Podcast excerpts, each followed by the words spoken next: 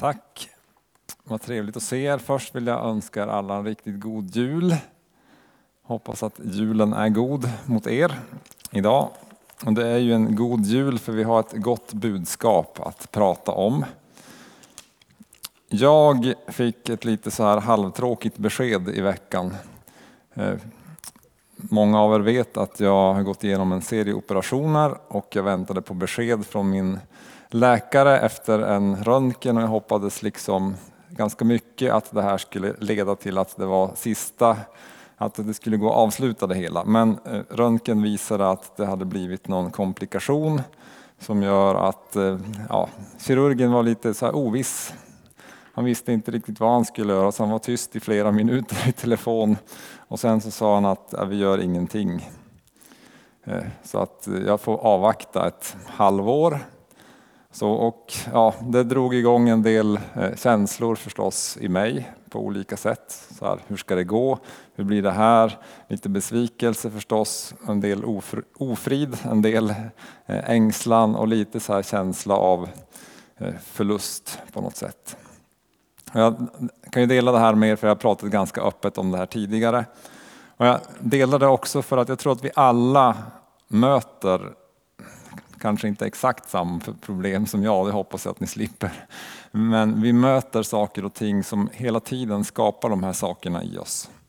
Som man bara har följt nyheterna senaste veckan så har ju Ukrainas president varit i USA och fått löfte om vapen för några miljarder dollar. Alltså kriget fortsätter.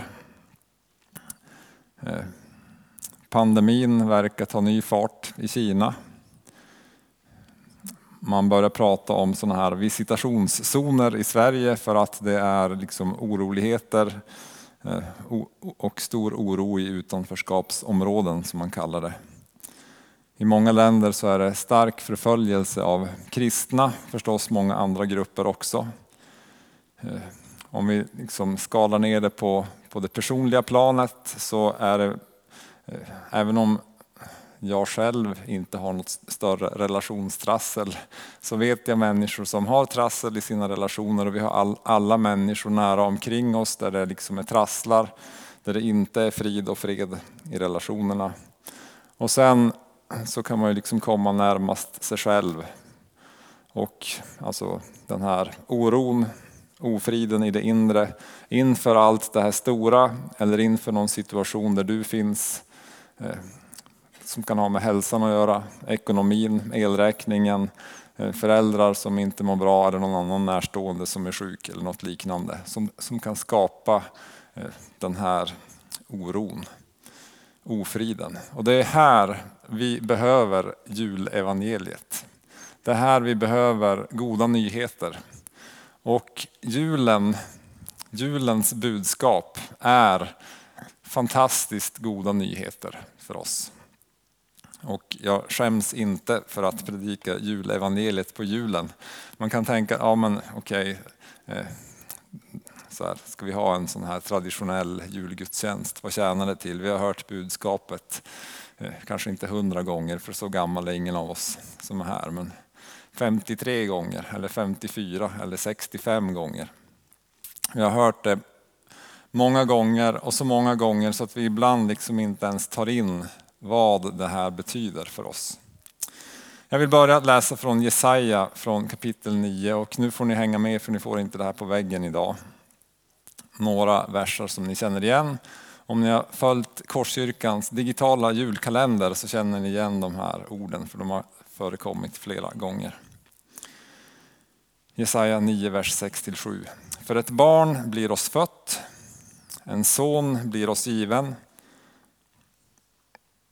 På hans axlar vilar herradömet och hans namn är under, rådgivare, mäktig Gud, evig far, fridsfurste.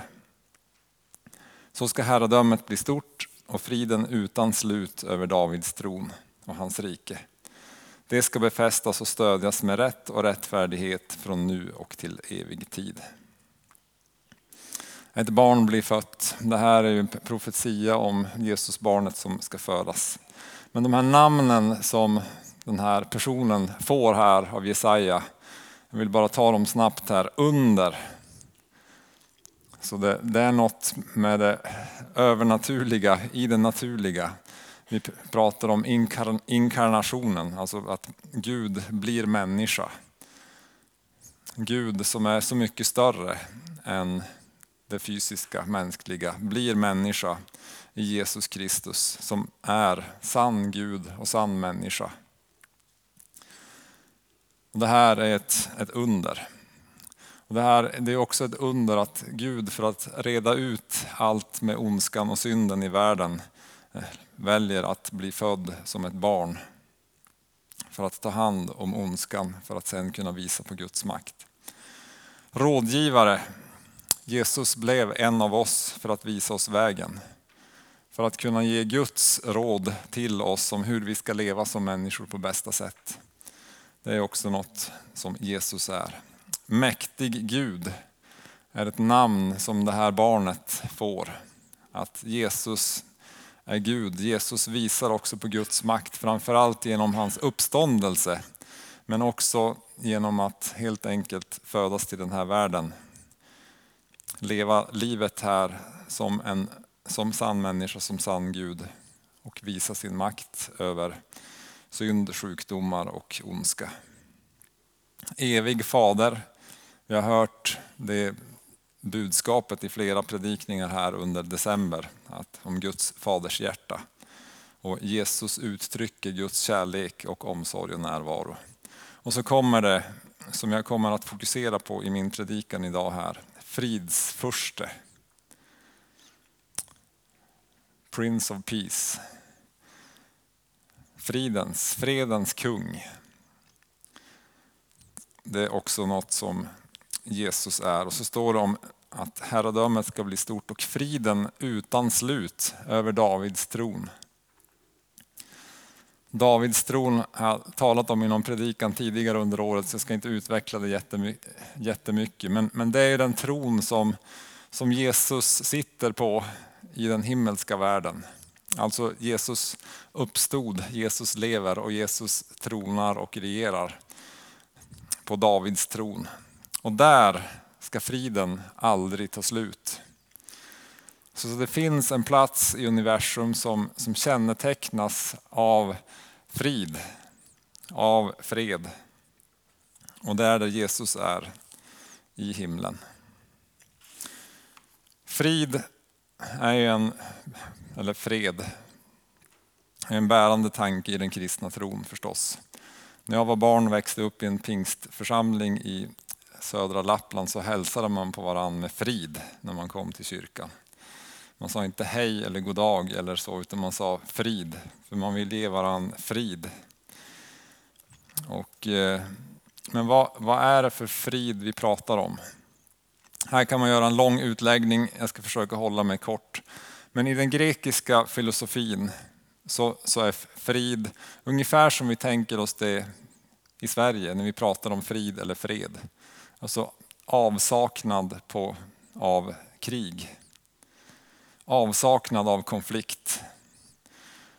Alltså att det helt enkelt är lugnt. Är, vi har liksom inget mellan varann som, som gnager utan det är lugnt. Så här. Och i mitt inre så har jag inga konflikter utan det är lugnt. Det är den liksom mer eh, grekiska, västerländska definitionen av frid. Stillhet, vila, en plats där det är lugn och ro. När jag ska, alldeles strax ska prata lite mer om det här så skulle jag vilja säga att det är skillnad på mänsklig frid och på Guds frid. Mänsklig fred och Guds fred. Alltså frid och fred är egentligen samma sak fast vi i svenskan gör skillnad på frid som är liksom någon sorts inre tillstånd och fred som ett yttre tillstånd. Men i både grekiska och eh, hebreiska och många andra språk så är det samma ord. Peace på engelska. Och så. Men det, men det är skillnad på den frid som vi kan skapa och den frid som Gud kan skapa. Alltså, tänk en sån här krigssituation Ryssland, Ukraina. Man försöker skapa fred. Hur då? Genom våld, vedergällning, hämnd. För att nå fram till någon sorts läge där man kan skriva ett fredsavtal och få, få vapenvila och dra nya gränser. Sen så kommer man att måste ha krigsrätt, försöka bedöma vem som har gjort rätt och fel och vem som är skyldig, vem den andra vad och så vidare och försöka skapa en, en, en plats för fred och rättvisa. Sån här fred har ingåtts till exempel efter andra världskriget och det har hållit ända fram till nu. Fredsfördrag, gränsdragningar som drogs och så vidare. Men ingen sån mänsklig fred hittills har visat sig vara för evigt. För det finns någonting av synd och uppror i oss som även i sin mest fredliga form är konfliktdrivande. Både mot andra människor och mot Gud. Eh, när jag var riktigt ung så fanns det en grupp som hette Imperials som hade en, en låt som var så här att there will never be any peace until God is seated at the conference table. Alltså det kommer aldrig att bli någon fred innan Gud sätter sig vid förhandlingsbordet. I våra relationer, alltså, det, det, det kan ju gå överstyr så att vi försöker lösa våra eh, konflikter i äktenskap eller relationer med våld. Men ofta så försöker vi lösa det här, de konflikterna på andra sätt. Eh, verbala attacker eller genom att dra upp gränser, att ge löften, att avkräva ansvar, att skriva avtal och försöka ja, men, dra upp linjerna för hur det här ska kunna fungera för oss. Men även det här räcker sällan till. För även här finns ju synden som är konfliktdrivande. Bibeln säger att eh, kärlek överskyler en myckenhet av synd. Och det kan hjälpa väldigt mycket i relationer, att vi har kärlek till varann, att vi älskar varann. Och det kan ju hjälpa oss att, att eh, härda ut eller att kunna fortsätta och leva i en, en relation av harmoni. I mitt eget liv så kan jag också på mänskligt sätt försöka leva i frid eller i fred. Jag har en eh, klasskompis, eller han var min klasskompis, vi går inte i skolan längre, men i mellanstadiet. Han heter Conny. Han har bestämt sig för att leva i fred. Han bor i sitt hus två kilometer ut i skogen utanför byn där mina föräldrar fortfarande bor. Han åker in till samhället, kanske en gång varannan månad när han behöver handla. Annars lever han ensam i sin stuga i skogen.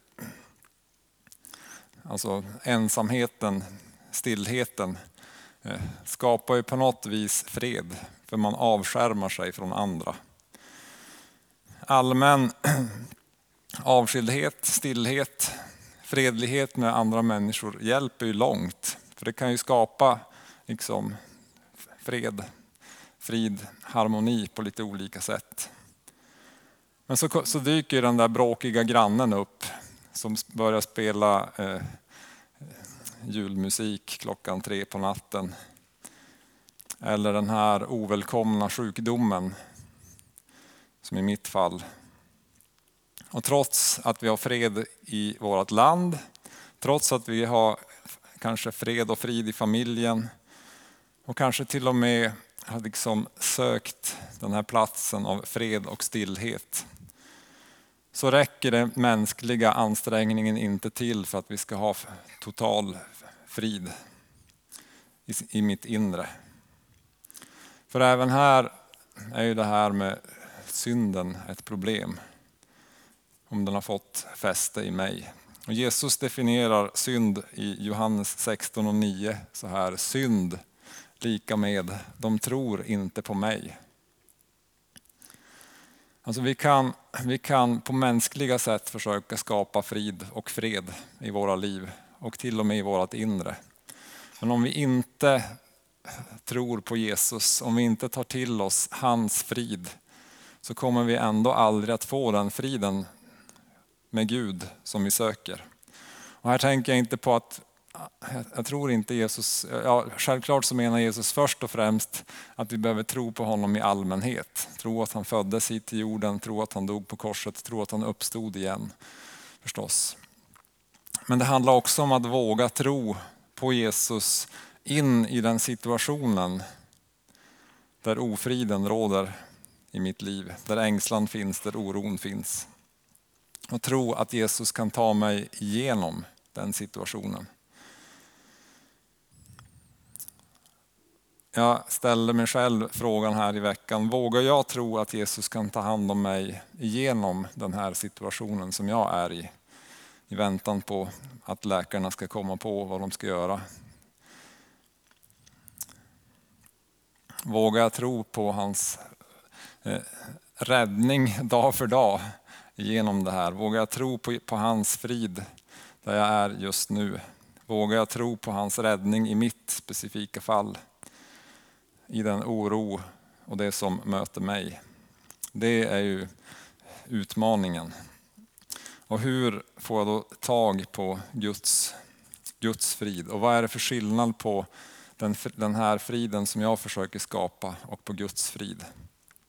Innan jag svarar på det så vill jag läsa julevangeliet.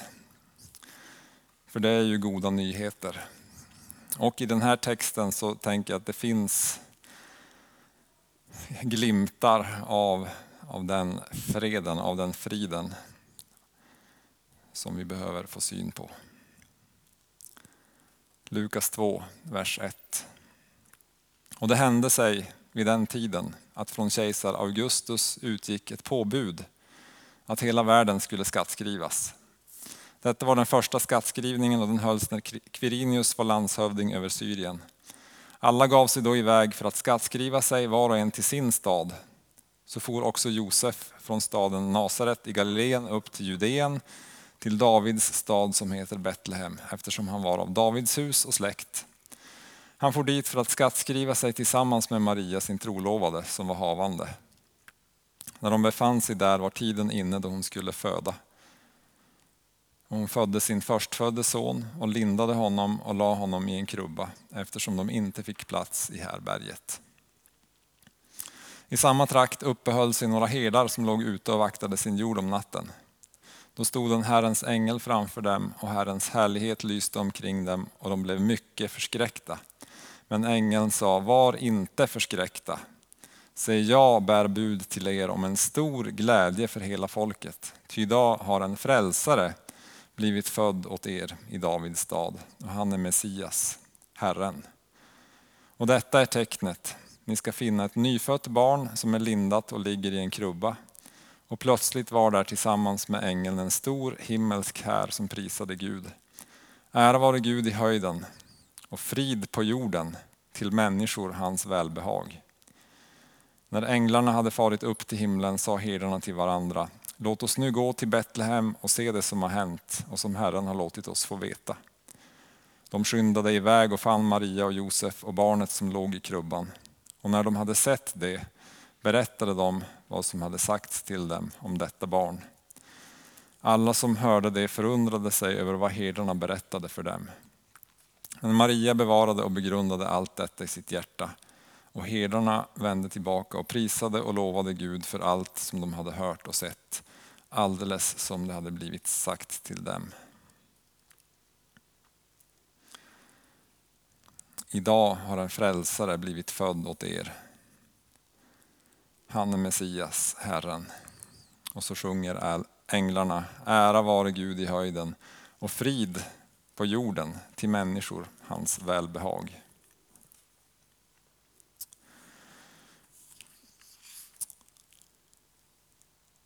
När Bibeln talar om frid eller fred så är det den, den hebreiska eller mer österländska tanken av fred som ligger bakom. Shalom. Eh, enligt ett bibellexikon som jag har så betyder det det harmoniska tillstånd som råder när gudsgemenskapen är intakt och när Herrens välsignelser tillflyter med rättfärdighet och frälsning från all nöd i Guds rike.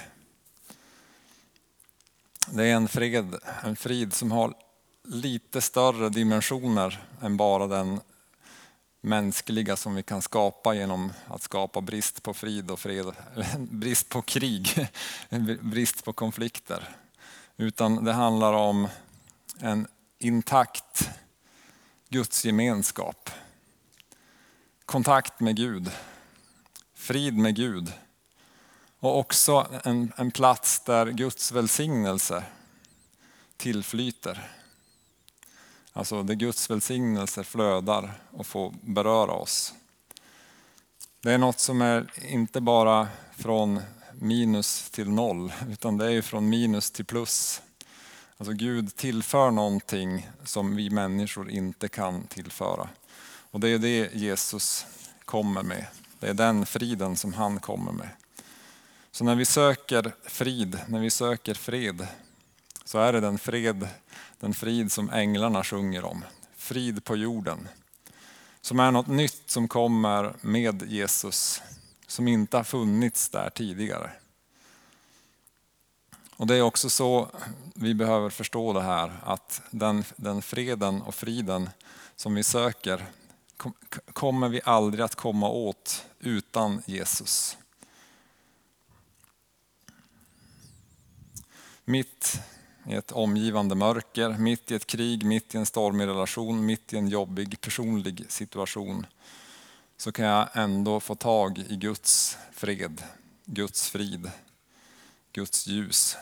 För det är det, är det tillstånd, alltså den freden, den friden som vilar över Davids tron, över den plats där Jesus finns. Det är, det är det tillstånd som finns hos Gud.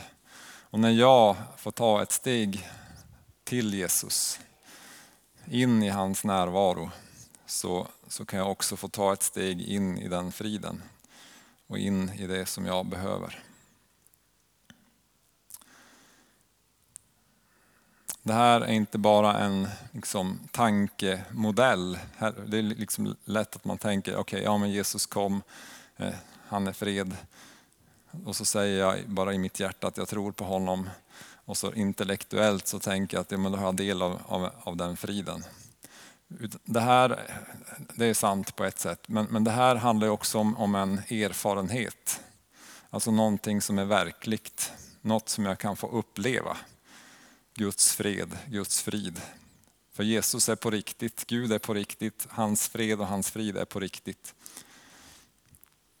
Och genom att ta emot Jesus så kan jag få, få del av det och ta del av det.